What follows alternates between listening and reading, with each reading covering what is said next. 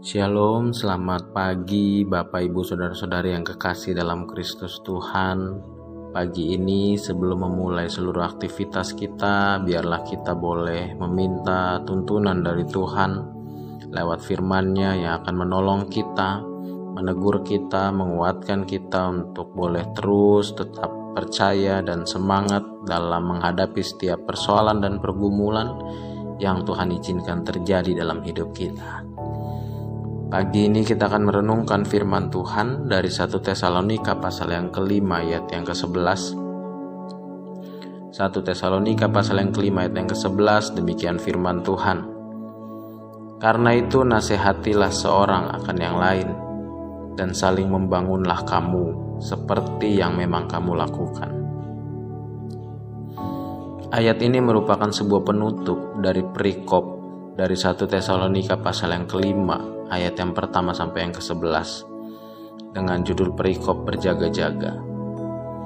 Perikop ini bicara tentang akhir zaman atau zaman akhir yang biasa selalu menarik perhatian orang untuk diselidiki dan ditafsir.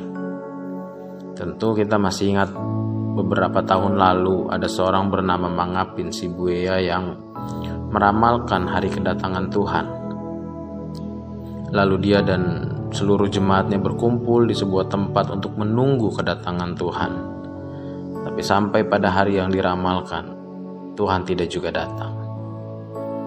Ini memberikan kita gambaran bahwa banyak orang sibuk menantikan, meresponi akhir zaman dengan cara meneliti, menafsirkan, menebak-nebak kapan hari itu tiba Padahal Rasul Paulus menutup perikop ini dengan kalimat, "Karena itu nasihatilah seorang akan yang lain dan saling membangunlah kamu." Dalam hal memberi dan menerima, biasanya orang lebih suka menerima daripada memberi. Tapi dalam hal yang satu ini biasanya justru sebaliknya, yaitu dalam hal menasehati Orang lebih suka memberi nasihat daripada menerima nasihat. Dan sering kali ayat ini menjadi sebuah ayat yang sering disalahartikan dan disalah-tafsirkan. Seolah-olah menjadi sebuah ayat yang mendorong kita untuk wajib selalu menasehati orang lain. Menasehati dalam bahasa aslinya memakai kata para kaleo yang ternyata memiliki arti mendorong, membesarkan hati, dan memberikan kekuatan. Namun mengapa kita sering kali lebih suka memberi nasihat daripada menerima nasihat? Mungkin karena sering kali nasihat yang kita terima atau berikan bukanlah sebuah dorongan positif. Bukanlah bertujuan membesarkan hati dan bukan memberikan kekuatan bagi orang lain. Namun justru sebaliknya. Orang yang menerima nasihat lebih sering merasa dihakimi, dituduh, direndahkan. Sementara si pemberi nasihat seolah-olah sedang merasa pada posisi yang lebih tinggi, lebih mulia, dan lebih baik.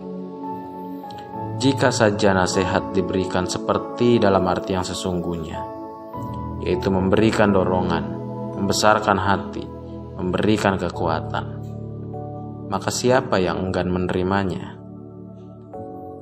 Ayat ini bicara tentang sebuah kegiatan saling menasehati, yang berarti kita sigap untuk memberikan nasihat kepada orang lain dan siap untuk menerima nasihat dari orang lain juga.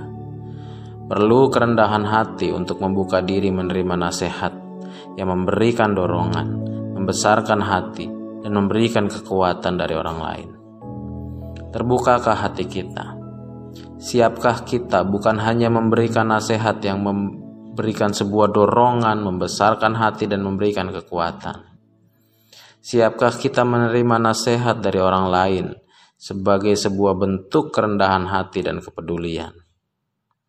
Selamat pagi, selamat saling menasehati, selamat saling membangun. Tuhan Yesus sayang.